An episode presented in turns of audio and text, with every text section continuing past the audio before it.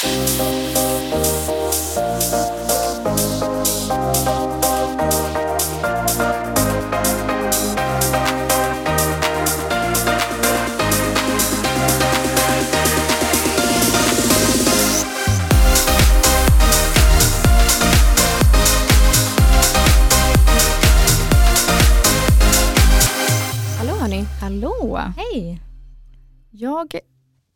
faktiskt inte vi säger mycket mer än att bara dra igång avsnittet med dagens gäst. Mm. Eller vad tycker ni?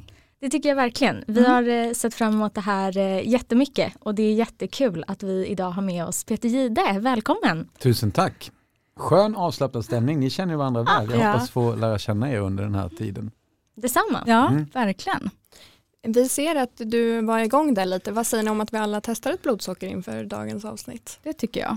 Ja, Jag blir analog för att mina sensorer och jag vi kommer inte riktigt överens. Så att jag kommer Nej. precis från ett samtal med det företag som ja, man får reklamera till. Mm. Så Mm. Okej. där är jag. Mm.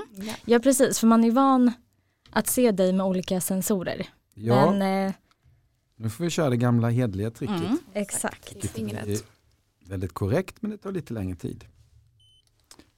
5,2 Mm. är ju toppen. Jättebra. Verkligen. Mm. Vad hade ni då tjejer? 7,5 ligger jag på. Ja. Mm. 6,0. Mm.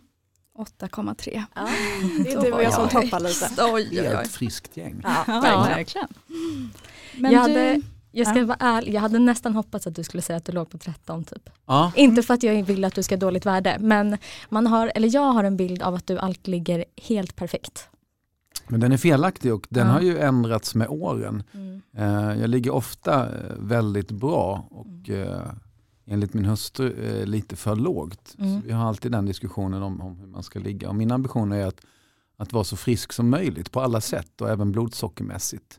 Eh, Sen om jag äter en pizza så går ju inte det för att det är helt omöjligt att, att liksom hänga med i kolhydraterna och fettets väg Mm. blodsockermässigt. Eh, Men den senaste tiden så har jag haft eh, fler höga värden än vad jag haft tidigare i livet. Så att det här är ju en sjukdom som aldrig står still.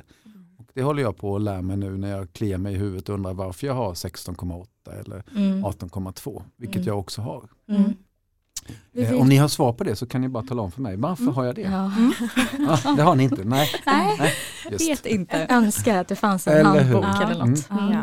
Men vid vilka värden känner du dig till exempel låg då? När börjar du känna av det? Det är olika i är olika, olika. lägen. Ja. Eh, Men jag kan väl känna mig låg på 3,1 Mm. eller 3,2 men jag kan också gå omkring med 2,4 och tycka att nej, men nu funkar jag rätt så bra. Så det är väldigt varierande. Ja. Väldigt, väldigt varierande. Det är precis som för alla, det finns ju liksom inget lexikon. Jag Nej. kan inte vara ett facit, du kan inte vara ett facit för Nej. att alla är vi olika. Vi har ju bara samma typ av sjukdom. Mm. Exakt. Verkligen. Och du tar sprutor. Ja, jag är på väg i nästa fas att försöka, jag eh, litar egentligen allra mest på mig själv. Men nu har jag bestämt mig för att lita på tekniken. Så nu har jag ställt mig i den här kön för att ansöka om en pump. Okej. Eh, för att nu tror jag att de är så pass bra när de säger stopp uppåt och de säger stopp neråt. Mm. Så att eh, jag siktar på det nu inom eh, den tid det tar. Det är lite svårare att besöka mottagningarna nu med tanke på att det är en pandemi som råder. Mm. Så att allting tar ju lite längre tid. Är det första gången då du testar pump? Eller har du Ja, gjort det? Ja, det är det. det. Mm. Spännande. Vad säger du om det? Ehm, nej men jag har haft, jag har pump nu och har haft det lite till och från. Ehm, men jag är nöjd. Jag tycker ju att, att det, för mig blir det jobbigt att sticka mig med en spruta flera gånger per dag. Eh, det är mycket lättare att trycka på en knapp. Så jag gör ju hellre det. Ehm, så nej men jag, för mig funkar det jättebra. Men ni tjejer, ni har ju sprutor och det funkar bäst för er. Så det är, Mm. mm. Jag känner igen det där att jag inte riktigt litar på en insulinpump. Mm. Ehm, liksom av erfarenhet, eller dåliga erfarenheter. Liksom. Eh, och tycker att, eh, för jag har testat pump i många omgångar.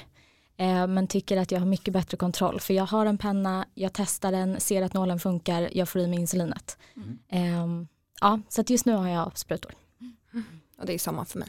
Funkar väldigt bra. Jag tänker mest att ett pump är lite som att gå omkring med resväska fast modell mindre. Mhm. Jag vill ju ha så lite diabetes som möjligt rent visuellt och bärandemässigt. Så det är väl Mm, kanske mest det jag har tänkt att vad ska den ta vägen när jag spelar paddeltennis då? Stannar den kvar eh, utanför buren om jag kutar ut och slår in en boll där eller? Mm. Ja. Så det är väl mest det jag har funderat kring igen. Mm. Mm. Exakt. Och det är ju verkligen en vanesak kan jag känna. Och om nätterna där, Vad har man jag den? har min i bhn faktiskt. Ja, Eh, för då det kan jag ju jag få den. lite körigt Ja det blir lite svårt. Ja. Men eh, det är väl där jag har känt att jag inte liksom märker av den riktigt. Eller Mm. den bara är där. Men det är ju en vanlig sak liksom kanske första nätterna och så också. När man vaknar och kanske har trasslat in sig lite och sådär. Men eh, för mig funkar det jättebra nu.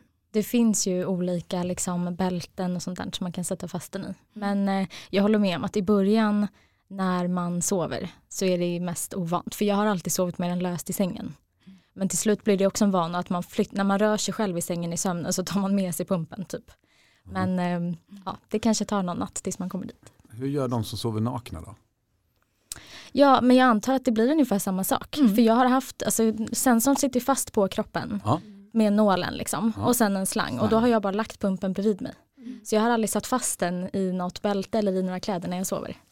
Den får ju åka med lite. Det är ju Ja. så det blir. Exakt. Ja då Mm. kan det ju vara så att man råkar trassla in sig eller den åker utanför sängen och ramlar eller något sånt. Mm. Ja, Mm. Men, ja. ja. lite så. Men ehm, ja, det Mm. går. Röstar ändå på. Ja. Vad bra Ja. vi sålde in Ja, det. verkligen. Nej, ni var verkligen övertygande. Nej. Ja. Du kommer hitta något eh, bra som Det är funkar. en av många eh, små tankar som man har eh, om Mm. diabetes. Vilket Mm. ju skapar tankar hela tiden egentligen. Mm, Verkligen. så är det. Vill du berätta lite om när du fick diabetes? 2012, 12, 12. Ja, var det så? Ja. Mm. Så att det är mitt, eh, mitt diabetesdatum. Mm. Är det ett datum du firar eller som du vill glömma bort? det är en del av, av mitt liv. eh, Mm. Där livet eh, var på väg åt ett håll och så blev det åt ett annat håll. Mm. Eh, jag har alltid Ja, men jag måste, jag, det, det ärliga svaret är att jag har alltid accepterat min sjukdom diabetes. Jag var så pass gammal också. Mm. Jag var eh, 41 år när jag fick det. Så att jag hade ju upplevt massor med olika saker i livet som var både bra och dåliga. Mm. Så att jag accepterade det kvickt. Eh, Sen har jag väl inte accepterat allt. Jag har ju trott att jag har kunnat idrotta på exakt samma sätt som jag gjort tidigare. Men nu vet jag att jag behöver käka före. Jag kan inte bara gå rakt in och spela en paddelmatch utan jag måste vara lite strategisk. Och det är inte bara med idrottandet utan för mig är det med hela livet att, att jag måste vara en planerad typ. Då Mm. kan jag leva livet precis som vanligt. Och innan vi satte igång den här inspelningen så sa ju ni att, att man ska kunna leva livet precis som vanligt och det är inte diabetesen som styr mig utan det är jag som styr min diabetes. Mm. Eh, nu kanske ni blir arga på mig men egentligen tycker jag att det är fel resonemang för att det är en så pass allvarlig sjukdom så att, att man måste acceptera den Mm. och sen vill man ändå ta sig dit i livet eh, som man önskar och det kan man göra. Mm. Men jag menar att diabetesen sitter i förarsätet och jag läser kartan och jag har tänkt läsa kartan förbannat bra så att jag ändå kommer till rätt ställe. Mm.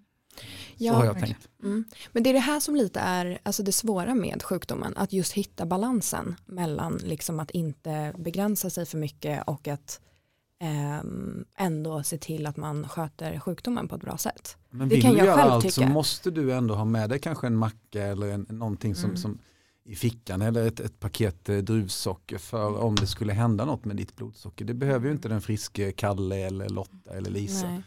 Utan eh, de kan ju bara gå rakt ut i skogen och sen så kommer de tillbaka fyra timmar senare. Det fixar ju inte Mm. du och jag. Nej. Nej. Nej. Nej, och den planeringen kommer man ju aldrig komma ifrån. Nej. Oavsett hur man väljer att, Mm. att leva med diabetes.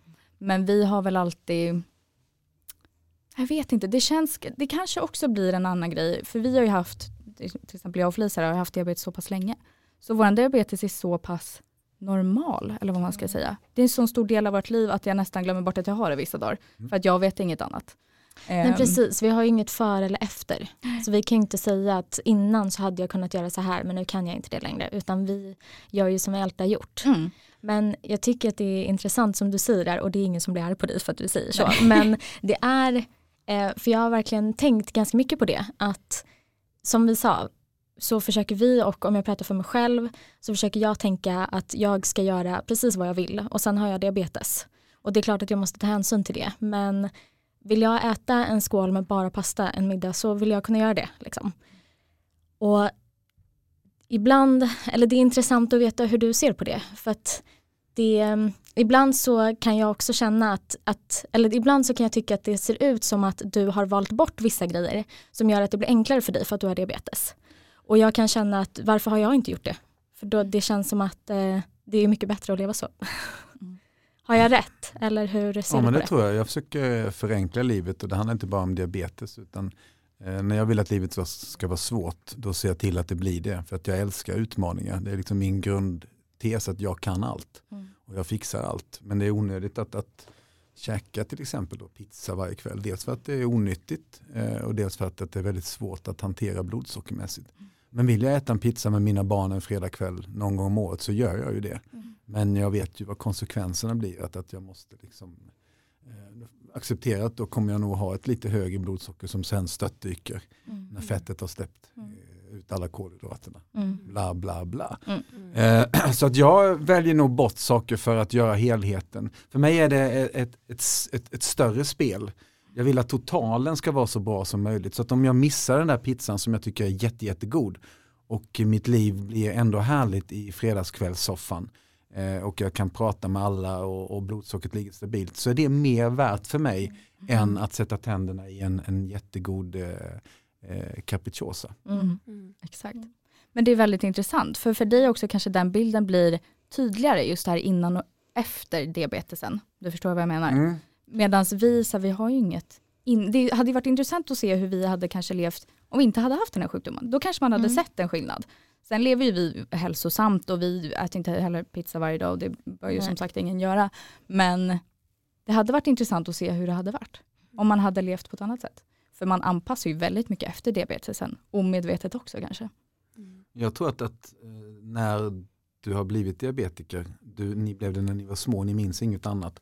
Men jag måste säga att det gick väldigt fort innan jag mindes eller tänkte åh så här var livet förut. Mm. Då kunde jag göra så här. Utan det är också det här med acceptansen att nu är, ser mitt liv ut så här att jag måste ha koll på mitt blodsocker annars så blir jag helt darrig och dum i huvudet eller så blir jag trött och vill bara gå och lägga mig Mm. om det är för högt.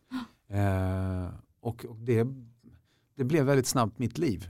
Och det har också en del med acceptansen att göra. Att jag, det känns som att det har funkat bra för mig att, att just acceptera det. Och det brukar jag prata om när jag pratar med folk om diabetes. Just att jag tycker att det A är Mm. Mm. först i alfabetet, bokstaven A och först i diabetesalfabetet acceptans. Mm. Verkligen. Lätt för mig att sitta här och säga men, men, men jag, så, så, så tänker jag. Mm. Det är min filosofi. Mm. Ja, och den tror jag att vi delar. För att eh, om man har gjort det så blir ju allting extremt mycket enklare. Ja. Men hur gör man då? Hur ska man göra för Och att hur acceptera? vet man när man har accepterat den? Det tycker jag är svårt. Men min hustru skulle inte hålla helt med mig att jag har accepterat det för hon tycker att jag ska ha ett högre blodsocker och så vidare. Den diskussionen har vi ofta hemma och det är möjligt att hon har rätt och att vi måste fortsätta diskutera den. Men, ja, men för, för mig är det, så, det är en metafor men jag tycker den är så enkel att, att jag, jag brukar säga det. Att det, det är diabetesen som, som, som sitter vid, vid ratten. Mm. Men jag är den som sitter bredvid och ser till hur, vad ratten, hur den svänger och var bilen tar oss. Mm. Jag äger fortfarande livet men jag måste läsa kartan förbaskat bra. Och jag har accepterat den rollen att det är inte jag som bara sätter mig där, kör sju timmar utan att käka mellanmål. Utan jag sitter vid sidan av och försöker guida mig själv och min bil till rätt ställe. Mm. Det är det sättet jag försöker eh, förklara ordet acceptans. Mm. Jag vet inte om det är ett bra eller dåligt sätt men, men, ehm, ja, men gilla läget. Det är Mm. som det är fram tills någon kommer på någonting annat. Mm. Någon eh, uppfinnare någonstans i någon källare som, som har hittat grejen. Och där är vi ju inte ännu utan nu är det så för dig och dig och dig och mig. Mm. Och då är det ju bättre att gilla läget annars så blir det ju förbannat jobbigt. Mm. Mm.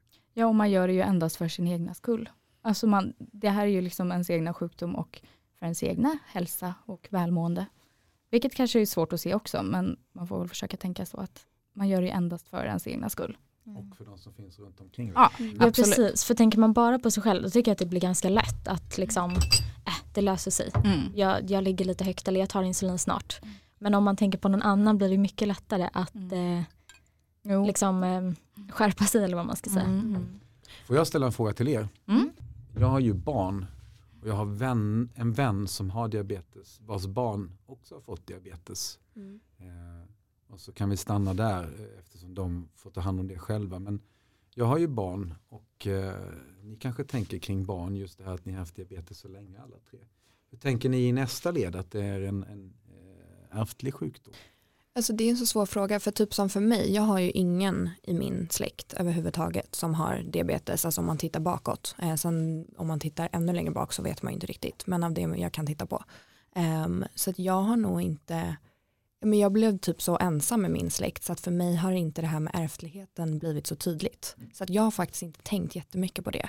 Um, att det Om du ska, börjar tänka på det lite då, vad tänker du då? att jag aldrig skulle önska mina barn det här. Ehm, och att det, alltså, ja, jag hade blivit helt förkrossad om det var så att mina barn eh, fick det här.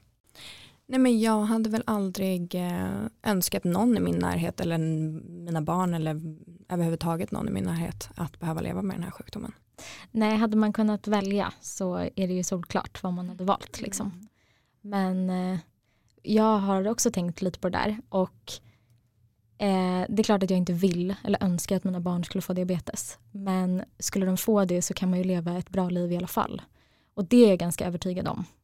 Men eh, ja, jag vet inte. I min och Filippas familj så finns det inte heller någon vad vi vet bakåt som har diabetes. Eh, sen är du, fick både du och jag, vilket Mm. ju är en ganska tydlig, liksom, ja det är en tydlig koppling. Men eh, jag vet inte. Hur tänker du kring det? Som har Men- barn? Saker som kommer närmare när någon man känner Mm. eh, får det antingen en vuxen som får diabetes eller i det här fallet eh, en vuxen med diabetes som har ett barn som får diabetes. Mm. Då ser man ju sig själv och man känner för de här eftersom man tycker om de personerna. Mm. Och då blir det my- mycket mer tydligt för mig. Det är samma sak Mm. med covid-19 nu. Om man läser massor med statistik, jaha det är människor där. Men så är det någon nära som har kämpat stenhårt i flera veckor och precis klarat sig. Då blir det mycket mer relevant. Och det blev det för mig när, när en i närheten eh, eh, har ett barn som, som också har fått sjukdomen. Mm. Då blir det mycket mer tydligt. Mm. Och eh, det jag känner är ju att, att, eh, att man, vill, skulle inte vill, man vill inte lägga det här jobbet på någon annan utan tar du hellre själv jobbet eftersom du vet om vad det innebär nu efter åtta Mm. år för mig bara men hela Verkligen. era liv. Mm. Mm. Så att, eh, det vill man inte ge till någon. Så att, Mm. eh, då börjar jag tänka lite så. Mm. Mm. Men på tal om familj, hur reagerade din familj när du, alltså även dina barn, när du fick diabetes? Eh, de små var så små så att de inte riktigt eh, förstod det. Min äldsta dotter kom med choklad till mig på sjukhuset så Mm. att initialt Mm. förstod hon ju inte heller vad, vad, vad det var för någonting. Nej. Men hon har ju hängt med eh, lite tydligare än de andra. Nu har de koll på, på låga socker och vad man ska göra och, och så vidare. Så de har lärt sig efterhand. Och min hustru har eh, flera släktingar från sin sida som har eh, typ 1 diabetes. Så att hon var, hon var van vid sjukdomen, att den fanns i hennes närhet. Så att eh, tycker ändå att det var en ganska lugn, eh, sansad reaktion som kanske passar in för en, en man i 41-årsåldern med, med familj. Eh, så var känslan när, när, jag fick det. Hur mycket visste du om diabetes då när du fick Alldeles det? för lite. Mm. Min hustru Karin visste mycket mer eftersom Ja. hon hade kusiner och eh, farbror som, som eh, har levt med diabetes länge. Mm. Så hon visste mycket, mycket mer än vad, vad jag visste. Mm. Mm. Jag har lärt mig efterhand. Jag har ju fortfarande mycket att lära, lära mig. Jag hoppas få lära mig ännu mycket mer. Eh, Det vill säga jag hoppas att forskningen går framåt så att Mm. de som kan allra mest kan ännu mycket mer. För du, säger, du beskriver i din eh, bok eh, när du fick diabetes och att du smsade din fru då, fan diabetes, som en, fan en p-bot. Tror jag att du drog det var, men det var parallellen nog till. den, Var det lite så ja, du... men det, var, det är en bra tolkning av det. Fan Mm. en p-bot eller fan diabetes. Ja, Mm. Det var ungefär samma eh, grad av, av hur komplicerat är det här. ja. Eh, men det är ju inte bara att pröjsa sig av med det. Nej, Utan, eh, precis. det här är ju lite körigare. än Ja. så. Mm. Så att, eh, nej, jag visste alldeles för lite när jag Mm. fick det. Och det märker jag när folk hör av sig till mig på, på mitt eh, ja, men Instagramkonto till exempel. Folk som söker kontakt som precis har, har fått det själva eller fått det i familjen. Att, att de vet väldigt lite eh, när de börjar skriva det här meddelandet. Men sen så under meddelandets gång så, har, så märker man att de har satt sig och läst alla de där mörka sidorna och, och all den fakta som ändå finns om sjukdomen. Och då i slutet av det här meddelandet så, så har de förstått att nej det är inte bara fan diabetes en p-bot utan fan diabetes det är en livstidsdom. Mm. Mm. Mm. Det fattar de. Och Hur lång tid tog det innan du förstod det då? Ja, men jag, är ju, jobbar ju med journalistik så jag är ju hyfsad åtminstone på att ta reda på saker och ting. Och, eh, men även jag gick till fel sidor, de mörkaste sidorna som man ofta gör när det är någonting som, som i sjukdomsväg som drabbar en.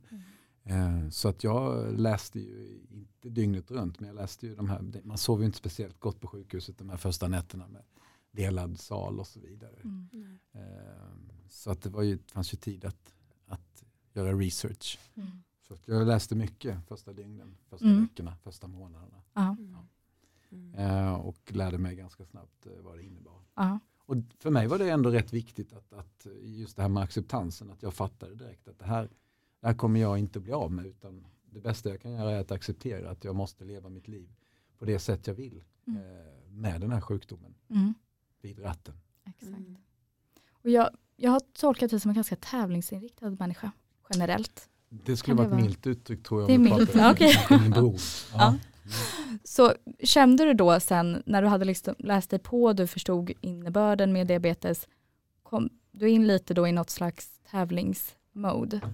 Att nu ska jag bli, jag tror att du beskrev det också att du ville bli den bästa diabetikern. Mm. Här vilar världens bästa diabetiker. Mm. Eh, Min vän Mikael Sandström eh, som är läkare och som har jobbat eh, på Nyhetsmorgon tillsammans med mig under några år tidigare sa ju det att du måste sluta tävla om, om, om det. Man kan inte bli den bästa diabetikern utan man måste acceptera att man är lite hög eh, ibland också. Mm. Inte. Eh, så att just det här med acceptansen, där har jag ju en utvecklingspotential att jag får acceptera mina höga värden. Jag är bättre på det nu än vad jag var Mm. för tre år sedan. Då hade jag blivit så arg för 18,6 så att Mm. Eh, Jag hade tyckt att det var ett misslyckande men nu, nu är det som det är och jag Mm. kan bara göra det, försöka göra det bättre nästa gång. Eh, Men ja, ja, min ambition har väl varit att ha ett så friskt blodsocker som möjligt. Mm. Alltså vadå, räkna 4 till 8 eller 3,5 till 7,5 eller något sånt där. Mm. Mm. Eh, någonstans. Ehm, och så det, den ambitionen har jag fortfarande men jag kan acceptera eh, de högre lite bättre även om jag blir sur varje gång jag får högt. Mm. Mm. Såklart, Ja. för det är ju som en evig Nej, men det, är ju, det tror jag vi har pratat mycket om, här, man når aldrig riktigt mål. Alltså det är hela tiden, okej hur hamnar jag nu då efter den här måltiden? Att så här, det finns ju inget slutmål på den här sjukdomen. Så det blir ju som en tävling hela tiden och det är klart man blir frustrerad när det inte går som man vill. Ja. Jag tänkte på diabetes när jag åkte Vasaloppet tillsammans med Robin Bryntesson Mm. eh, som ju också är en av oss som har diabetes typ 1 och en före detta elitåkare i skidor. Eh, Vår tävling var att han skulle åka dubbelt så fort som mig. Och Ja. jag skulle försöka klara mig under den tiden när vi tävlade mot varandra då. Eh, Men den stora utmaningen var ju att, att klara de här nio milen från Sälen till Mora. Men det var skönt att veta att det var nio mil. Och där är ju den stora skillnaden mot våran sjukdom som ju är nio mil, nio mil, nio mil, nio mil. Det går ju aldrig i mål och det Nej. tycker jag är skitjobbigt. Att aldrig få vara klar. Mm. Nej. Mm. Fy, förlåt. Mm. Mm. Mm. Verkligen. Mm. Aldrig få vara klar. Tänk om vi skulle städa hela livet och bara städa, städa, städa, städa. Mm. Mm. Ja, Exakt. det är, ja, Mm. det är exakt så Mm. tyvärr. Men finns det tider när du inte tänker på det? Ja, när jag eh, jobbar med eh, direktsänd tv eller Mm. eh, ja, men podd i det här fallet Mm. så är jag här och nu. Eh, Jag tänker på det nu för att vi pratar om det, Mm. annars hade jag inte gjort det. Nej. Så det är för mig att när jag har jobbat med direktsänd tv har det varit eh, en vilopaus. Mm. En jättebra vilopaus som jag saknar nu när jag inte gör direktsändningar. Nej. utan jobbar mer med eh, dokumentärer. Eh, och sen när jag eh, tävlar också i form av paddel som jag spelar väldigt mycket nu som, som friskvård. Mm.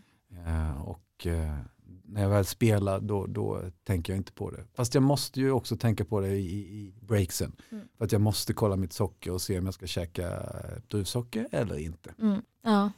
Men för du har ju jobbat eh, mycket i Nyhetsmorgon bland annat med direktsändningar och annat också. Men och du, när du fick diabetes så jobbade du på Nyhetsmorgon. Mm.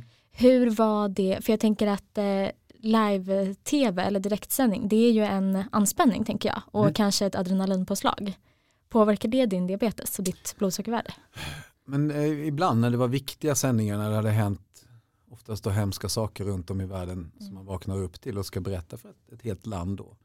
Då, eh, då hade jag lite högre blodsocker, tvåsiffrigt, låga tvåsiffrigt hade jag. Det tror jag inte att jag hade i vanliga fall om det var en vanlig tisdag eller någonting. Nej. Eh, Men då, då gör adrenalinet sitt att, att det blir lite högre så att jag påverkas där är vi väl olika allihopa men jag blir lite lite högre när jag får, får adrenalin. Jag blir oftast lite lite högre när jag tränar och tävlar också. Mm. Eh, Sen efteråt så blir jag ju, då får jag äta duktigt Mm. eh, under lång tid. Mm. För det är då som, som betalningen kommer. Ja, precis.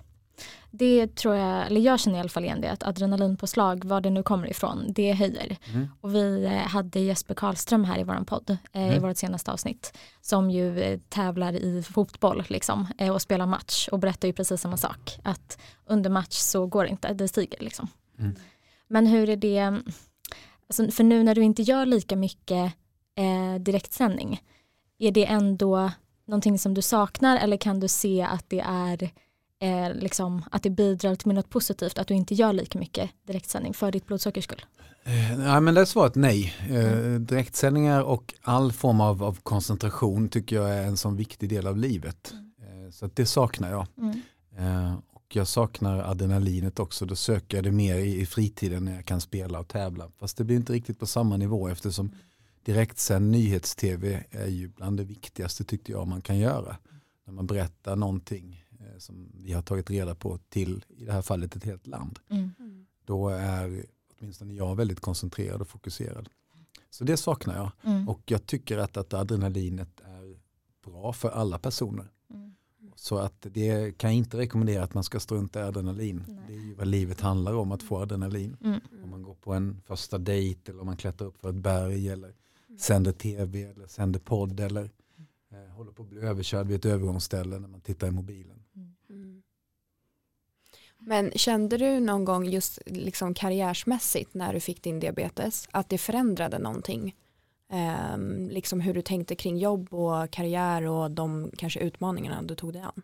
Jag trodde att det skulle göra det, men det första projekt jag gjorde efter jag fick diabetes var att, att vi gjorde ett, ett underhållningsprogram som heter, eller hette Det största äventyret. Där vi tog med sven, kända svenska idrottsmän och kvinnor till världens mest avlägsna ställen. Och de var verkligen, de var verkligen så avlägsna så att vissa hade, platser hade folk inte besökt på 30-40 år. Mm. Och där slängde vi ner våra tävlande då. Mm. Och en, när jag fick möjligheten att göra det för TV4 och, och själv tänkte att ja, men det här funkar om jag är noggrann och, och så vidare. Så, så finns det ju kanske inga program som är svårare att göra eh, Nej. Rent arbetsmässigt och utmaningsmässigt än just det. Mm. Och efter det så kände jag att, att nej, ingenting är omöjligt. Nej. Typ Mm. så. Mm. Ja. Och efter det programmet så ändrade du lite inställning också va, till din diabetes. Att just att du låg så pressat innan där. Ja, jag tror att man ska undvika det om man är ute på savannen och Ja, har eh, precis. ganska långt till, till civilisation. Mm. Då kanske man ska ta lite, lite mer höjd. Ja, Mm. Så att det, det fick jag lära mig den hårda Mm. vägen där. för det hände att du blev väldigt låg där. Det var ett par incidenter, kanske ja, men två stycken när jag var, ja, men man vet ju aldrig hur nära man är eh, att, att vara helt borta. Jag vet inte vad ni har för erfarenhet av ambulansresor eller koma och sånt. Ni nickar allihopa, Mm. ja eller? Eh, Ja, jag har aldrig åkt ambulans så, men vi magsjuka ofta, när vi var små hamnade vi på sjukhus för Ja. att det var svårt att kontrollera. Ja. Och lite sådana. Men ni har inte gått ner i ett svart och sen Nej. vaknat upp och Nej, jag har behövt åka ambulans till, jag var inte helt borta, det ska jag inte säga, men det var nog bra att jag fick hjälp för jag hade inte kunnat ta mig dit själv. Sen har jag också behövt åka in akut för högt blodsocker. Ja, nej men, eh, så att ingen av oss vet ju riktigt var gränsen går för att, att man är så dum i huvudet då. Så att, att jag kan ju inte säga att det var så nära och nu måttar jag mellan tumme och pekfinger. Eller om det var eh, en halv meters eh, avstånd tills att jag skulle gå ner i svart. Men jag minns väldigt lite av det här. Mm. Så jag har fått mycket av det återberättat för mig. Så det är väl ett tecken på att, att jag var väldigt låg. Mm. Och det är, ja, nej, det är obehagliga situationer. Mm. Fast du, det jobbiga med dem är att du kommer inte ihåg så mycket av dem. De som är runt omkring dig kommer ju ihåg det. Mm. Exakt. Eh, Så att det är ju lurigt att lära sig någonting av det. Då skulle man ju önska att någon filmade den egentligen så att man fick se hur man såg ut och vad man sa. Mm. Och på tal om att filma lågt blodsocker så har jag hört att du vid en diabetesskala som du har jobbat jättemycket med och gjort ett otroligt bra jobb måste vi också säga. Eh, Men jag har hört att du vid en diabetesskala ville provocera fram ett lågt blodsocker. Har jag förstått det rätt? Ja, men jag tycker att just det här att barn Det är samma sak som nu till exempel om jag, om jag vore statsminister så skulle jag inte gå ut och julhandla kanske dagen före julafton om man talar om ett helt folk att man ska undvika köpcentrum. Jag kanske inte skulle åka till Kanarieöarna heller om man säger att vi ska sluta resa eh, om jag var en bestämmande person. Och med det sagt så skulle jag vilja säga att, att eh, barn gör ju inte som man säger utan de gör ju som man gör. Och att få möjlighet att visa hur det hur det ser ut, eller i det här fallet hur jag ser ut och hur jag förändras, vilket jag eh, gör när jag får lågt blodsocker. Mm. Eh, att få folk att se det tror jag är mycket tydligare än att bara prata om det. Vi kan ju sitta här och, och berätta historier om att ah, jag var så låg så du vet att jag, jag svimmade av. Men det blir inte lika eh, effektfullt och dramatiskt som om det sker eh, i realtid framför dig. Mm. Så det var väl tankarna då egentligen. Men eh, det var en bit ifrån att, att redaktionen och eh, producenterna tyckte att det var en bra idé. Mm. Så att det, det stannade vid eh, eh idéstadiet. Mm. Hur ser ni på det?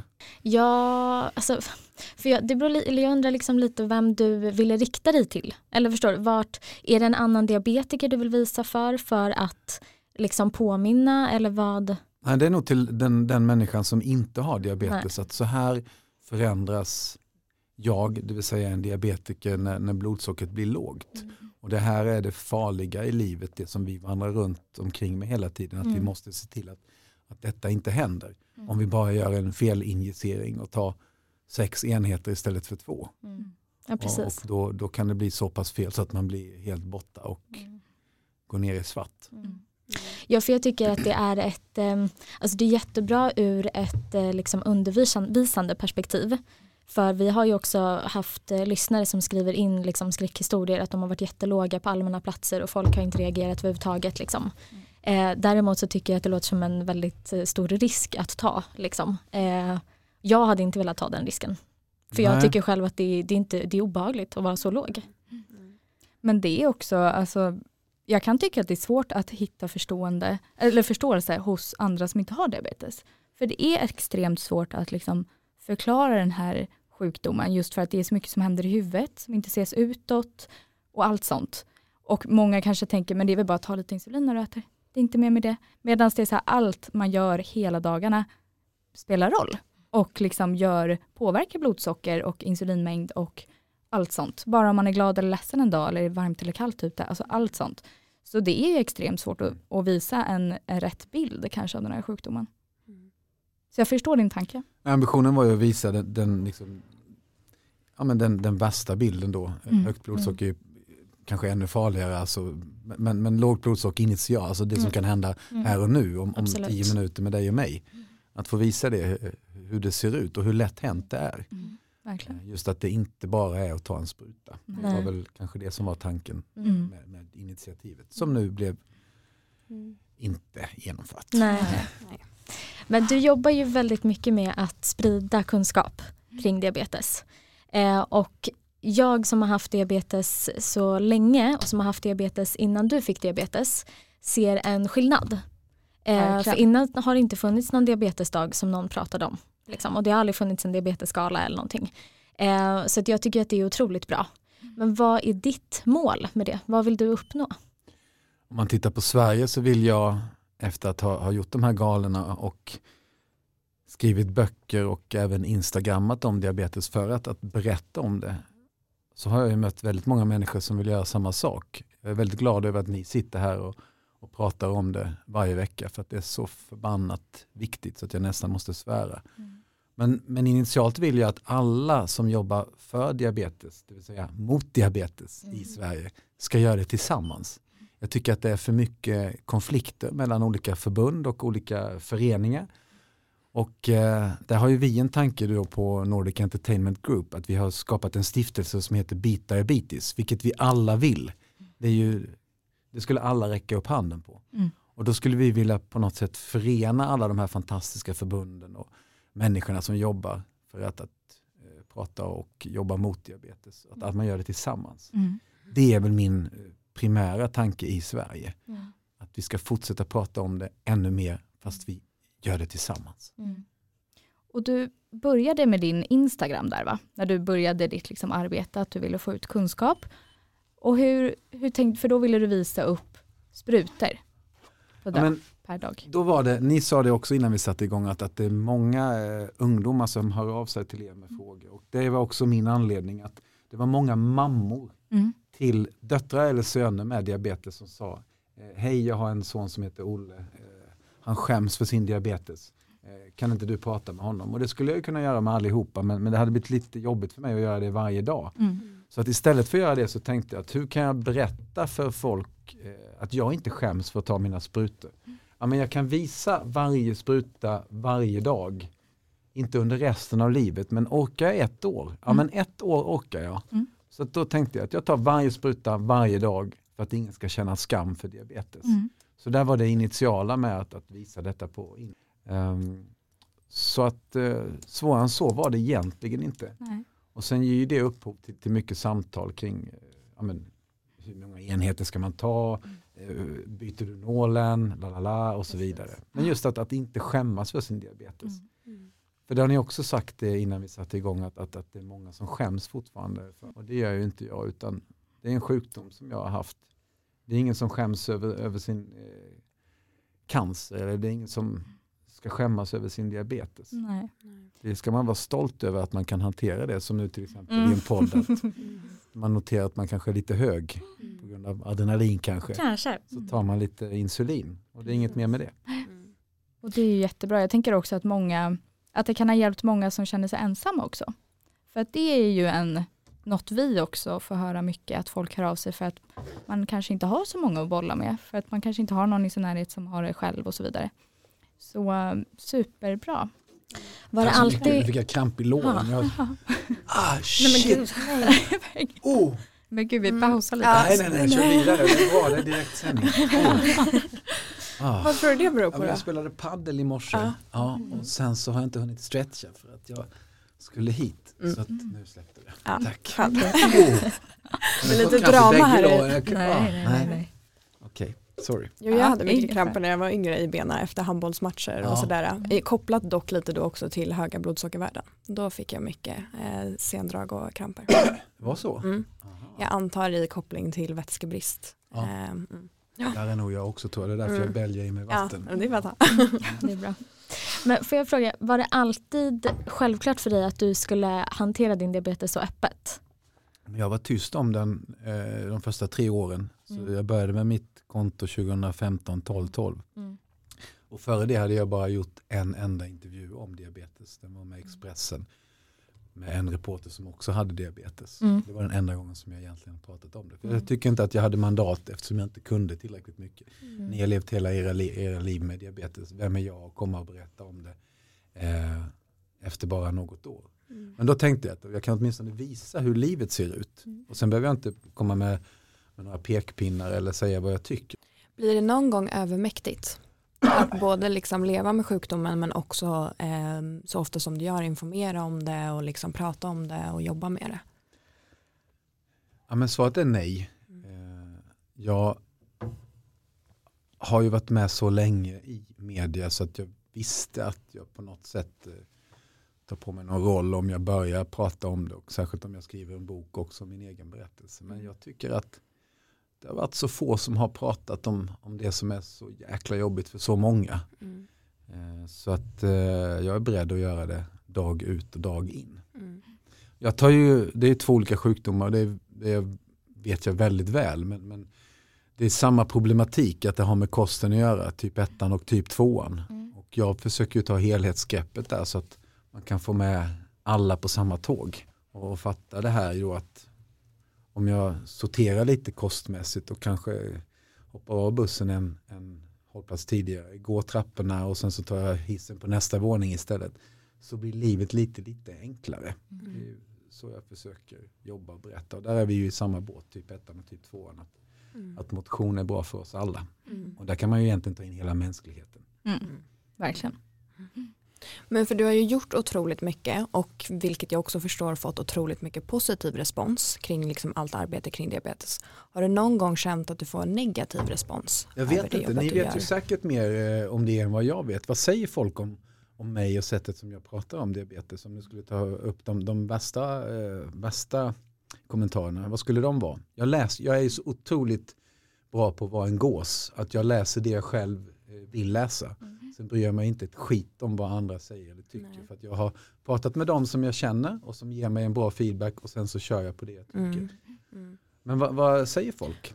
Nej, alltså allmänt generellt skulle jag säga som vi ibland får höra som folk hör av oss till oss det är väl det här med eh, att vissa tycker det är jobbigt bilden av att eh, blodsockret alltid är så perfekt. Att Mm. det är mycket det man liksom ser i eh, sociala medier och för dem Eh, många av de diabetesprofilerna kanske mycket delar av, med sig av när det är eh, väldigt bra värden och att det sätter någon form av press eh, på andra diabetiker. Och du menar att jag skulle visa när jag bara har bra värden och inte visa de dåliga? Mm. Men Eller snarare att du bara har bra värden. Inte att du Ja, inte skulle det dölja ja. det dåliga utan att du inte har några dåliga värden och att det skapar lite prestations... Eh, så. Men jag har dåliga värden och det är jag glad för att få säga att de finns hos mig också och jag tror att de finns hos alla, annars är man omänsklig. Eh, Men jag försöker, jag försöker undvika dem genom att ta bort saker som människor tycker är roliga. Jag försöker ta bort chipspåsen eller godispåsen. Jag har gjort de valen för att då blir mina blodsockerkurvor lite plattare. Och då blir livet lite enklare för mig. Så det är mitt val. Men det är ett fritt val. Mm. Fast allas gemensamma uppgift är ju att försöka ha ett så bra och bra schysst liv som möjligt. Mm. Och, eh, då är det lättare för mig att inte, inte äta godis till exempel. Men jag tror också att folk är, eller tror, vet vad jag har sett, att folk är otroligt glada för ditt arbete. Och det har vi bara fått, vi la ju ut en, ett inlägg på vår Instagram och bad dem ställa frågor till dig. Och där fick vi också bara hälsa tack, alltså bara så, att så här, folk är glada Mm. för att någon uppmärksammar. Och att det blir lite, men att diabetes kanske får liksom lite ansikte utåt också. Jag är väldigt lätt att gråta när man har sådana här, det är jättefint av folk Mm. och så det blir jag jätte, jätteglad för. Eh, att, folk, eh, att folk känner så. Eh, det är viktigt, det är skönt att få höra, få höra eller få klappa i ryggen istället för att få knytnävar i ansiktet. Mm.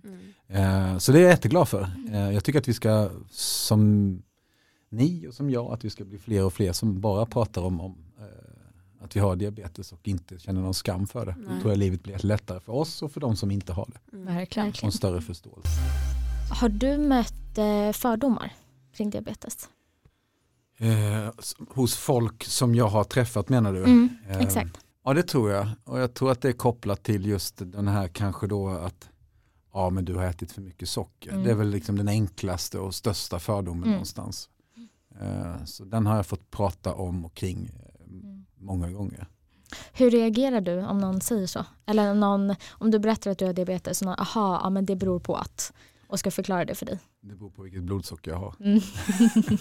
Eh, Men är jag eh, i fin form så, så tar jag diskussionen och säger att så här funkar det. Mm. Att det är en ärftlig sjukdom, typ tvåan. Den andra diabetestypen är ännu mer ärftlig än vad ettan är faktiskt. Men det här är en ärftlig sjukdom som jag har fått.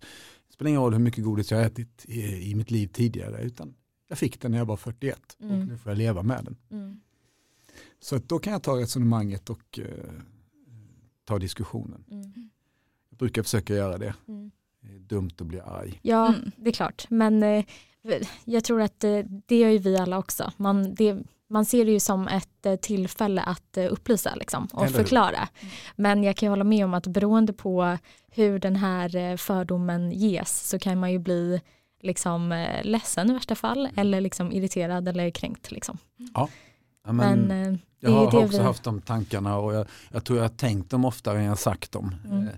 Eh, Eftersom folk kanske ibland lyssnar och ser om jag skulle bli arg eller någonting sånt där. Mm. Kanske lite extra noga och då, då eh, vill jag ju ge en, vad ska man säga, ja, men, eh, komma ur det på ett, ett bra och fint sätt. Mm. Jag tänkte lite på din familj om vi går tillbaka dit. För att du pratar ju väldigt mycket om diabetes utåt och jobbar mycket kring det.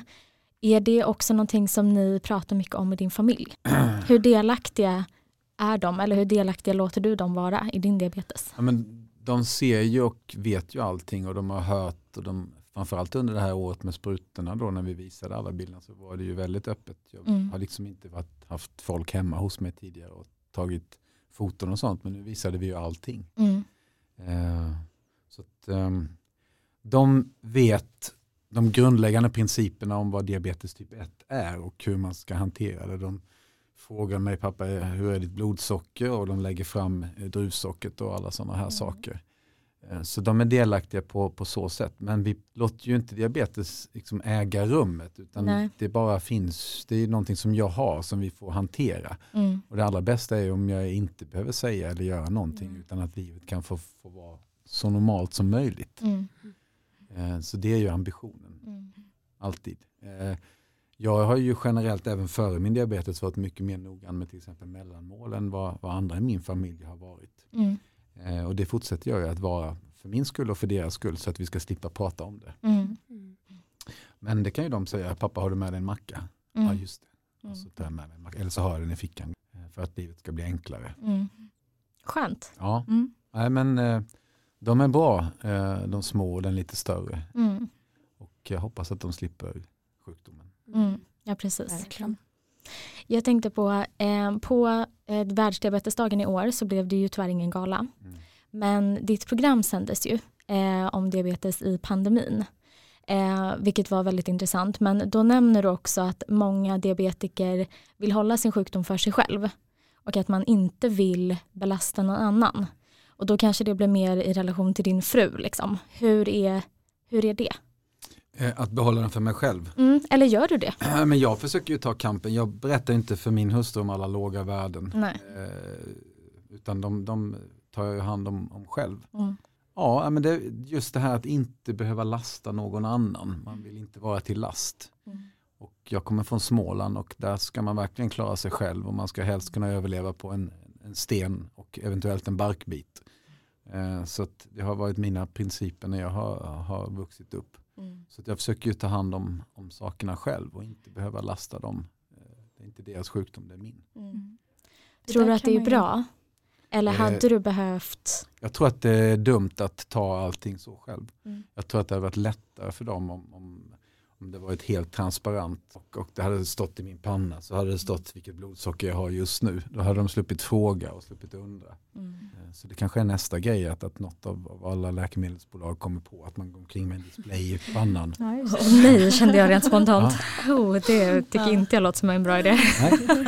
Men jag tror att det är lätt hänt att man håller det för sig själv. Också för att, som vi pratade om förut, att det är så svårt att kanske förklara exakt hur man mår och hur man känner. Och det är ingen som kan sätta sig in i det här som inte har det helt. Och det kan man ju se, alltså känna igen också kanske när man var lite yngre eller tonåring och när mamma kom och Filippa nu är du lite sur, har du lite högt blodsocker? Och då blev man ju bara ännu mer arg och då kände man bara nej, jag sköter det här själv. Så, Ehm, så det kanske är svårt att hitta den liksom, helt förståelsen också. Där eh, säger du det som är det mest provocerande tycker jag i hela världen. Att jag inte har mandat att bara vara arg Nej. utan att jag måste ha ett lågt blodsocker. Eh, det har jag haft väldigt stora problem med. Mm. Man måste ju få ha möjlighet att vara arg. Mm. Så det finns inget härligare än att ta sticket, visa upp 7,5 Mm. och sen fortsätta vara arg. Ja, exakt. Det tycker jag är fantastiskt. Ja, det är det är lördagsgodis. Jag förstår det helt. Ja. Det är det som är så dumt, för de värdena man skulle behöva dela, det är ju de man absolut minst vill dela. För då är man hög eller låg. Mm. Och jag kan också tycka att det blir en prestation, alltså det är ju ett bevis på hur jag har skött mig. Och det är inte alltid man orkar stå till svars för det. Nej. Fast samtidigt, just ordet skött, jag, jag har Nej. försökt ta bort det ur min vokabulär när jag står Ja. och pratar inför folk. Och jag ser på dig att du, att du håller med där. Jag, jag hittar inget, eh, men jag har använt ordet hantera, Mm. men något som inte är så värdeladdat. Nej. För jag tror i grund och botten att alla verkligen vill sköta sig. Mm. Om vi fortsätter använda ordet sköta. Eh, men det är inte så jävla lätt. Nej. Och även om du sköter dig så kan det gå åt helvete ändå och du fattar ingenting. Nej. Du fattar ingenting. Nej men så är det ju verkligen. Men det är det som gör, ah, jag vet inte, du kanske inte känner igen det, men främst när vi var liksom lite yngre eller när man var tonåring, att gå till läkaren och ta TBA1C var ju ångest. För att då, det var ett kvitto på vad jag har gjort den sista tiden. Och för att använda det ordet igen, har skött mig. Mm. Och jag håller med, man ska kanske inte använda det ordet och jag tror också att alla gör så gott de kan. Och det handlar inte alltid bara om det, utan det handlar om annat också. Men eh, har du känt det? Eller kan du liksom hålla det ifrån dig lite mer? Men jag, det är så svårt, jag vet inte vad jag ska säga. Man ska inte jaga några siffror och sånt. Men jag har ju fått jobba jobba upp mitt HbA1c Mm. för att det har varit för lågt. Har både läkare och, och sköterskor och, och även eh, hustru sagt då. Så nu har jag fått upp det på en nivå som är eh, bra för mig, som jag tycker att det här är en okej nivå. Mm. Eh, och som också är accepterad av dem och de säger att ja, men det här är en bra nivå. Mm. Eh, så att jag har inte haft den problematiken eh, Nej. egentligen någon gång. Eh, om, om, det, ska- om det är för högt du menar att, att HbA1c Ja, eller kanske att man kan ha samma känsla om man ligger för lågt. För det kan jag också känna igen, om man ligger lågt en period, det är jättesvårt att få upp det kanske. Eh, och det kan ju då kopplas ihop med samma typ av prestation, eller vad Mm. man ska säga. Ja, nej, jag har försökt att få upp det här eh, låga HbA1c och lyckats till en nivå där den är accepterad då av, av alla parter. Mm. Så att just nu är det liksom ett bra läge. Skönt. Eh, Ja, det är skönt. Mm. Mm. Och du har ju också haft lite lägre. Du har ju också kämpat lite för att få upp ditt HbA1c just nu. Du har ju också haft en sån period. Ja, eller egentligen har jag inte kämpat för att få upp det. Eh, utan eh, jag eh, är inne i en period där jag är extremt motiverad. Och jag Mm. kan ärligt säga att i din bok som du har skrivit tillsammans med din fru Mm. eh, så beskriver ju du det här eh, hur du tänkte när du skulle bli världens bästa diabetiker. Och de tankarna känner jag igen. Eh, men jag ju också med mig det från när vi var yngre, att man hade tankar åt andra hållet, att man låg för högt. Liksom. Ehm, Vad är det som gör att du känner så här just nu då? Eh, jag vill veta hur mycket det krävs av mig för att ligga så här bra. Och när jag väl har, alltså det är klart att jag ligger kanske lite väl pressat ibland, men jag ligger bra i blodsocker och jag har ett bra, ganska lågt HbA1c. Eh, och när jag väl har liksom, smakat på det och lyckats, eller vad man ska säga, och kommit på hur jag ska göra för att det ska bli så, då känns det ju jättedumt att släppa på det. Liksom. För att börja ligga lite högre eller börja slarva. Liksom. Vad är det som gör dig glad med ett lågt HbA1c? Eh, att jag är frisk. Och alltså, för lågt är inte heller bra, det förstår jag. Men om man tänker lågt, vad jag anser vara bra, så är det att jag är frisk och att jag skapar förutsättningar för att vara frisk och Mm. kunna göra vad jag vill. Liksom. Så där är ju återigen att, att man ska ju egentligen hur man själv mår hur man själv känner sig som är det viktigaste. Sen kan man inte ha ett HbA1c på 140 för det är inte helt okej. Nej. Utan man måste väl ner under, vad är det, 51 eller något sånt där som är någon riktlinje, eller 52 va? Ja, så är det kanske. Ja. Mm. Mm. Och för att det ska vara ett, ett, ett, ett bra eller schysst eh, HbA1c. Mm. Men eh, just att tävla för att ha så lågt som möjligt, Nej. den har jag slutat göra faktiskt. Hur lever du med din diabetes idag då? Om vi tänker liksom kost och träning och, och allt sånt. Hur, hur kan en dag se ut? Ja, men mi- min mest bästa och pressade period var när jag styrketränade. Det tar enormt mycket, man får, får, det är ju anabolt insulinet så det är toppen bra att bygga muskler och allting sånt. Så alla diabetiker har ju en väldig potential om man vill bygga muskler. Mm. För det märkte ju jag som aldrig har byggt muskler i hela mitt liv utan varit med som spelat med med en boll. Det har varit min kärlek i livet. Jag har slutat styrketräna nu och börjat spela paddeltennis som resten av eh, Sverige. Mm. Eh, jag tycker att det är jättekul Mm. och att eh, jag tappar tid och rum och det tycker jag är så viktigt. Mm. Eh, men det ger mig, det bränner ju väldigt mycket kalorier när jag spelar paddel. Så att jag får ju äta på kvällar och innan jag går och lägger mig nu om jag har spelat på dagen för att, att det fortsätter att ticka där på kvällarna. Så att, ehm, där är relationen rent fysiskt och träningsmässigt, den tycker jag är god fortsatt. Eh, även om den var bäst när jag styrketränade och körde marklyft och försökte lyfta så tungt som möjligt.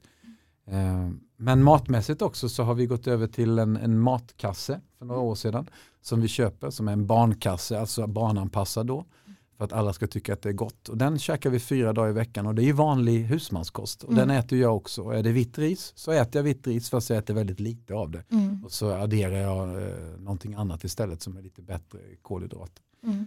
Eh, så att jag äter allting. Och det är vanlig enkel eh, rackarns husmanskost. Mm. Och det, det funkar. Eh, man får klia sig lite mer i huvudet och tänka lite mer eh, insulinmässigt. Men, men det går ju det också. Mm.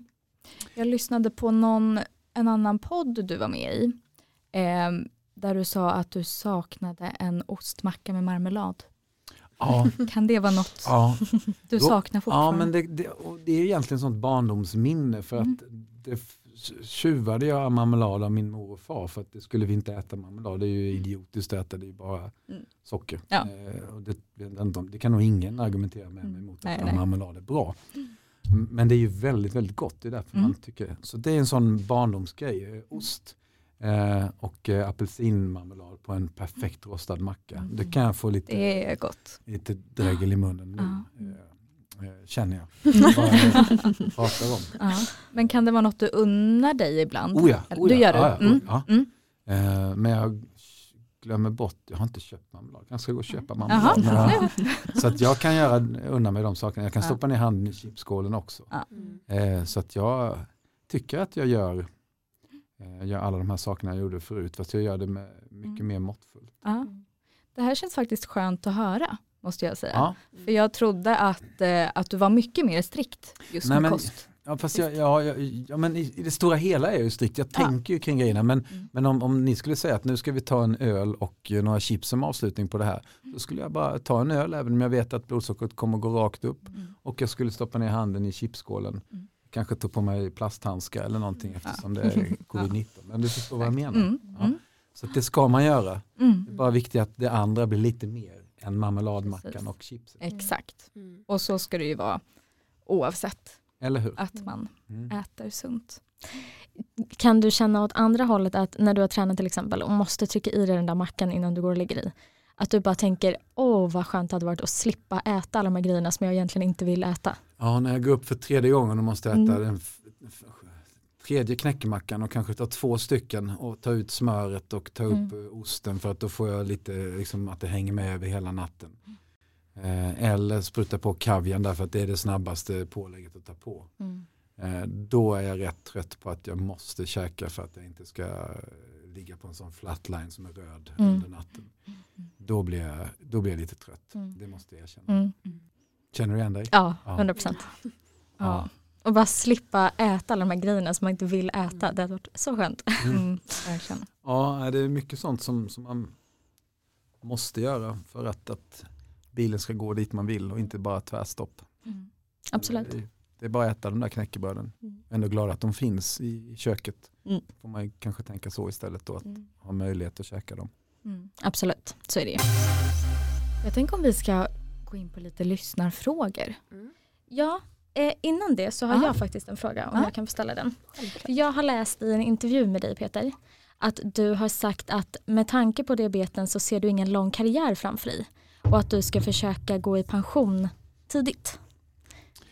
Eh, Jag har fått prata om, om den frågan även på fester och bland vänner och sånt Ja, som så. verkar ha reagerat på den frågan. Så att jag är glad att du tog upp den. Mm. Jag tror att det är ett, eh, jag ska inte säga att, att jag inte sa det, för det sa jag, men det är väldigt starkt vinklat. Mm. Eh, Men jag har ju haft tidigare då, innan jag kanske visste lika mycket om diabetes och om forskningen kring diabetes som jag vet nu, tankar på att, att nu ska jag göra allting mycket mer paketerat och mycket fortare av det jag vill göra arbetsmässigt. För sen, sen kanske jag inte har en möjlighet att göra det. Eh, Jag tror inte att det är så eh, Nej. längre. Men jag har också en tanke på att, att försöka kunna sluta jobba så pass tidigt så att, jag, att kroppen håller ihop eh, på alla sätt. Mm. Artros, eh, Mm. allt möjligt. Det är inte bara diabetes. Men det tänker jag att, att jag skulle vilja ha de, möjlighet att ha de sista åren till att bara göra saker som jag själv har lust att göra. Mm. Och kanske är det att jobba. För det har jag älskat i hela livet hittills. Så det kommer jag förmodligen göra sen också. Men, men vill jag inte det så skulle det vara, vara fint att kunna göra någonting som bara är för mig själv. Mm. Så, så tänker jag kring det. Mm. Eh, Men jag är hoppfull vad gäller forskning och hjälpmedel. Eh, Mm. Att, att livet blir lite lättare för oss så att vi kan hålla vårt blodsocker på ett bättre sätt. Kan du vara rädd för komplikationer och så i framtiden? Ja men alltså jag vill, ja eller ur mitt perspektiv hur jag eh, hanterar min diabetes så är jag inte rädd för det. Men när jag läser om vilka komplikationer folk får av den här sjukdomen, eh, när blodkärlen får stryk, då tycker jag att det är, är, hemska komplikationer. Mm. Njuren fattar ju alla, men, men tänk ögon och, och eh, fingrar och tår. Eh, det skulle förändra livet mycket. Mm. Ett, ett liv utan att kunna jobba med foten till exempel på det sätt som jag gör nu. Mm. Mm. Det tror jag. Mm. Så att jag tycker att man ska man ska vara, ja men det är också därför som jag försöker vara noga för att jag under så lång tid som jag kan kan ha ett sånt liv som jag har nu. Mm. Jag läste att i år så är det 100 år sedan man upptäckte insulinet, eller det upptäcktes 1921. Mm. Hur ser du på utvecklingen av hjälpmedel och vad hoppas du på i framtiden? Hjälpmedel tycker jag är att de är väldigt duktiga på de bolag som jobbar med pumpar och med, med eh, insulin, eh, mätinstrument. Mm. Där är jag väldigt positiv. Och det tänkte jag med kring min vän vars dotter har, har fått diabetes också. Att, att, eh, hon kommer ju att komma till en värld som är mycket bättre rustad än bara när jag började med, med liksom handmätning 15 gånger om dagen. Mm. Eh, tills jag nu bara kan, kan med min mobil på, på sex år. Mm. Eh, så, så där tror jag väldigt mycket på, på forskningen. Men jag önskar ju att, att man skulle kunna hitta anledningen och botemedlet. Det, Mm. Det är ju min stora önskan. Mm. Tror du vi har kommit längre än vad man vet? Utifrån att det är en sån otroligt stor inkomstkälla för så många. Lätt att tänka så, Mm. åtminstone vad gäller typ 2-diabetesen och, Mm. och de eh, eh, läkemedel som finns kring det. Mm. Men jag hoppas inte att det är så. Nej. Utan jag hoppas att, att det inte ligger i något, något eh, bankvalv i en källare någonstans. Formen till hur man botar diabetes. Det hoppas jag Mm. verkligen att det inte är så. Jag Nej. tror inte att det är så. Nej. Nej. Vad tror du? Nej, alltså man vill ju inte tro det. Men eh, samtidigt så man vet inte. Alltså det är ju som sagt, det tjänas ju otroligt mycket pengar i liksom den här delen. Ehm, men självklart, nej, det är ingenting jag vill tro på. Fast tänk om. Tänk vad pengar det är som Mm. går, Ja, går förlorat för, för de som lever på att, att sälja Mm. insulin och metformin och så vidare. Exakt. Nej, man kanske skulle låsa in den där. Ja? Hade du gjort det om du hade haft ett bot? Ja, kanske är som forskare så kanske man inte får en klapp på axeln om man har löst diabetes typ 2-gåtan av, av Kanske. sitt eh, bolag. Nej, vi får hoppas att det inte är så. Ja. Mm. Tror du att du och vi kommer få uppleva något typ av bot eller ett eh, enklare sätt att leva med diabetes än vad som finns idag? Förenklingen av att leva med diabetes den Mm. tror jag kommer att gå vidare. Jag tror att vi kommer hitta de här artificiella bukspottkörtlarna. De har vi egentligen eh, redan i form av pumparna idag. Konkurrensen kommer att vara så hård så att de kommer bli jättebra de här eh, verktygen. Ehm, Men jag har bestämt mig för att inte tro på att det är ett botemedel inom Nej. inom min livstid eller ett, någonting som kan, ett vaccin eller vad som helst. Mm. Att man löser gåtan. Det har jag bestämt mig för att tro. Men då är det bara för att jag inte ska bli negativt överraskad. Så jag Mm. hoppas ju. Mm. Jag tycker ju att, alltså vi har ju kommit långt i utvecklingen och så, precis som du säger, just med hjälpmedel. Men någonstans tycker jag att vi inte har gjort det också. Just för, ja men ett exempel, jag och Felicia var hemma hos eh, våra föräldrar i vårt barndomshem över jul nu och hittade våra första sprutor från när vi var små, vilket är ungefär 25 år gamla sprutor då, Mm. som ser ungefär exakt likadan ut som idag. Mm. Eh, och visst, insulinpumpar har ju blivit bättre och att sensorn har kommit och allt sånt. Eh, men det känns som att vi hade kunnat kommit längre. Mm. Om man just ser sprutorna. Liksom. Det tror jag också. Fast jag tror att innehållet är skarp, Ja. skarpare nu än vad det Mm. var på den tiden. Och Ja. De jobbar ju med.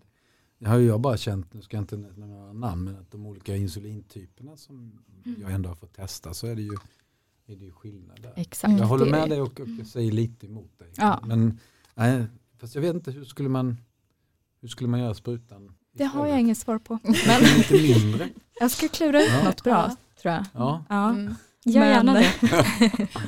ja men om man också kollar på, för du hade ju insulinpump när du var väldigt liten, Mm. minns jag. Och den funkade ju inte alls för att du tog ju för lite doser så det blev ju stopp i nålen jämt. Ja precis, jag tog för små doser så det funkar Och inte det alls. har ju blivit mycket bättre för nu sätter man ju pump på väldigt små barn Mm. och det funkar ju superbra. Så där har vi ju verkligen en och bara sensorn som inte fanns då som finns nu och som ger så mycket mer hjälp. Men jag vill gärna att vi ska komma lite längre snart. ja, jag håller med dig i sak Mm. de kan gasa på lite till. där. Ja, lite. Ja.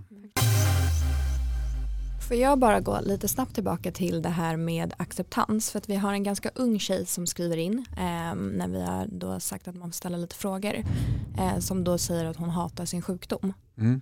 Eh, har du några tips på hur man liksom ska acceptera sin sjukdom och inte kanske känna det här hatet? Det är så lätt som farbror sitta här och, och, och säga det eftersom våran, våra situationer har varit så otroligt olika. Ehm, så att, att det jag kan säga är att det är ju det är mycket lättare, livet blir ju lättare om man accepterar det. Och jag försöker ju på något sätt få folk att känna en stolthet över att, att kunna leva med diabetes typ 1, vilket eh, är väldigt svårt. Dramatiskt här. Ja, det är otroligt dramatiskt. Ja. Det låter det lika mycket utan hörlurar? Det låter som att taket ska Ja, det är ramla någon in. som är på väg ner genom taket. Men det, blir, det blir spännande. Ja, det blir Ja, det spännande. Nej, men just eh, att, att känna en stolthet över att kunna leva med diabetes typ 1. Eh, och att det första man säger i, ett samtal med någon, eh, ja, vad kan du berätta om dig själv? Ja, men jag har diabetes typ 1 och det är en stor del av mitt liv. Att våga börja där någonstans utan att ta i för mycket eller för lite men bara säga det. Mm. Då tror jag att det blir lättare både för en själv och för de som är runt omkring en. Mm. Så börja med att våga prata om det Mm. och våga visa det. Mm. Gå inte in på toaletten och ta sprutan utan bara ta den. Mm. Eh, och sen så tar du det därifrån. Mm. Då tror jag att det blir lättare att acceptera själv också. Mm. En annan lyssnarfråga eh, är vad du har för bästa tips att äta när du har lågt blodsocker. Har du något som är liksom så här, det här funkar bäst för mig? Men jag, det, för mig är det eh, att börja med det snabba, det vill säga druvsockret. Ja. Där kunde det räcka med en eller två druvsockertabletter tidigare men nu får jag ta en fyra, fem Mm. för att få en snabb. Sen brukar jag gå till knäckebröd. Ja. Knäckebröd och eh, ost brukar Mm. jag gå till efter det. För att om jag går till något annat och rensar kylskåpet så är jag ju uppe på, Mm. på höga höjder direkt och dit vill jag ju inte. Nej. Även om jag har de här kylskåpsrensarstunderna när jag är så låg så att jag bara skakar och vill ha mer så gäller det också där att kunna sätta stopp. Mm. För annars så får du ta dig själv på, åt andra hållet igen och då, blir det, då kan man hålla på hur länge som helst. Upp Precis. och ner. Mm. Ehm, Så att man skulle ha egentligen en, en, en, en väska, en sån panikväska där man har eh, fyra druvsockertabletter liggandes och man har typ ett, en bild på ett knäckebröd med det som behövs så att man vet att det här räcker för att ta mig Mm. upp på en Mm. okej nivå och sen ska jag stanna kvar där Mm. eh, istället för att man fortsätter och jag hade någon dag för några veckor sedan när, när jag var låg och åt eh, chokladbollar, Mm. tre stycken tror jag att jag åt. Jag var i en, en, en paddelhall och blev låg där då, så att jag åt druvsocker, eh, jag drack eh, läsken som börjar på C Mm. eh, och jag åt tre stycken chokladbollar och jag tror jag drog en sån här bar också. Mm. Mm. Sen var jag ju uppe på, på tvåsiffrigt nästan, men, ja, men tvåa Mm. först. Mm. Ja, precis. Ja. Och, eh, ja, men det fattade inte jag då. Nej. Och det är så lätt att hamna där för man blir ju desperat. Mm. Ja, ja. Men någon överlevnads... Mm. Ja, Absolut. Mm. Och de som är runt omkring förstår inte heller det. Så att det är därför man ska egentligen veta och tala om för de andra att om jag är riktigt låg så ska jag börja med att äta eh, de här druvsockerna för det är de som plockar upp mig till en nivå där det går att prata med mig. Mm. Och sen ska jag ta någonting som gör att, att det här håller lite, lite längre. Men inte rensa ett kylskåp. Det är också en fråga här hur du gör för att få en paus från din sjukdom någon gång ibland. Kan du känna att du någon gång kan koppla ifrån? Liksom? Ja, det är bara att börja jobba med direktsänd tv. Mm. Ja det är så. Mm. Då alla där är ute. det. Mm. Eller vara artist tror jag, Ja. stå på en scen. Mm. Ehm, och i mitt fall nu så handlar det om att, att, att spela någonting, att Mm. tävla i någonting. Mm. Eh, och det jag tävlar i mest nu är paddeltennis då, eller paddel. Mm. Och då, då glömmer jag bort att jag har eh, diabetes typ 1. Vad händer framåt här nu då? Vad tror vi om en diabetesskala 2021? Eller, eh, Ja, jag skulle nästan rikta frågan åt er igen. Eh, Att samlas då i en, en full glob som vi hade som ambition att göra 2020 mm. och sända över hela Norden för att, att göra engagemanget ännu större, Mm. sprida ordet ännu mer. Mm. Jag vet inte. Nej. Eh, Jag tror att det är svårt. Mm. Jag tror att det är jätte, jättesvårt och jag tror att vi tänker för snabbt i så fall. Mm. Ehm, Så att jag hoppas att vi kan göra en gala. Men jag vet inte heller om en digital gala är det som, som folk vill ha eller längtar efter. De är lite svårare att göra. Det har vi ju sett på de sändningar som har gjorts i olika eh, former. Att det är inte riktigt samma sak för det är just samlingen som är själva grejen. Att nu är vi här inne. Vi är Mm. många och vi skriker högt och vi tänker och vi gråter tillsammans. Mm. Så det är jätte, jättesvårt. Men jag skulle vilja att vi får till någonting. Mm. Det tror jag känns viktigt. Annars har pausknappen varit nedtryckt för länge. Vi får hoppas. Ja. Verkligen. Hur ser du på corona och risken? Är du rädd för att få corona? Nej, jag är inte rädd. Jag följer de här avstånd. Jag har jobbat med avstånd hela tiden. Jag har levt ett ett så vanligt liv som möjligt. Det vill säga vi har åkt runt och jobbat över Sverige och gjort dokumentärserier men istället för att åka tåg och flyg så har vi åkt minibuss. Mm. Suttit eh, tre personer i varje buss, en på varje sätesrad då. Ehm, så att, eh, och vi har hållit avstånd och vi har hälsat med armbåge istället för att kramas. Även om vi varit ledsna tillsammans då. De som vi har träffat eh, eller skrattat tillsammans så har vi gjort det med, med, med det avstånd man ska ha. Mm. Eh, nu så har jag munskydd när jag kom hit och hälsade på er för att, att jag tänkte att det visar att jag bryr mig och att jag tänker på det. Men jag har ändå kunnat leva livet som vanligt och jag har inte varit rädd. Nej. Och det är för att jag tror och tänker själv att jag är så pass ung och så pass stark så att jag skulle kunna klara det här. Men där kanske jag har fel. Det är ingen av oss som vet vem som får hårdast smäll. Men rent mentalt är det skönare att tro att det här fixar jag än att tro tvärtom. Och så har jag tänkt med allt i livet och då tänkte jag att det gör jag med covid-19 också. Mm. Hur tänker ni? På samma Ehm, sätt. Ja. Jag har nog varit lite orolig emellanåt och liksom inte kanske avvaktat att gå till gymmet och liksom gjort sådana grejer. Men ehm, ja, sen har man, alltså så länge man håller ansvar, eller liksom avstånd och ansvar och så, så har man väl försökt. Vad tror du skulle hända om du fick covid-19? Det vet jag inte och det är man väl lite rädd för också. Jag skulle ju, alltså, man blir ju orolig, eller jag blir orolig av att få det faktiskt. Så, för att man inte vet. Sen tror jag att det hade gått bra såklart. Men eh, ja, man kan ju inte veta heller. Nej, Nej. alltså en, en maginfluensa. Mm. Den kan ju göra Precis. ganska mycket med en som har Absolut. diabetes typ 1. Och Då Mm. tänker jag inte vara någon skräckfilmsregissör här nu men, ja, men respekt tycker jag man ska ha. Verkligen. Men orka och våga fortsätta leva. Försöka undvika det så länge man kan men ändå ha ett liv. Jaha tjejer, ska vi tacka för att vi får haft med oss dig här idag? Ja, verkligen. Tack, Tack snälla. Mm. Tack så mycket. Mm. Vilken härlig gemenskap och vad, ja. vad vettigt att kunna få prata om eh, det som är våra liv mm. tillsammans. Mm. Så tusen tack själva. Mm. Tack och tack för allt bra arbete du mm. gör.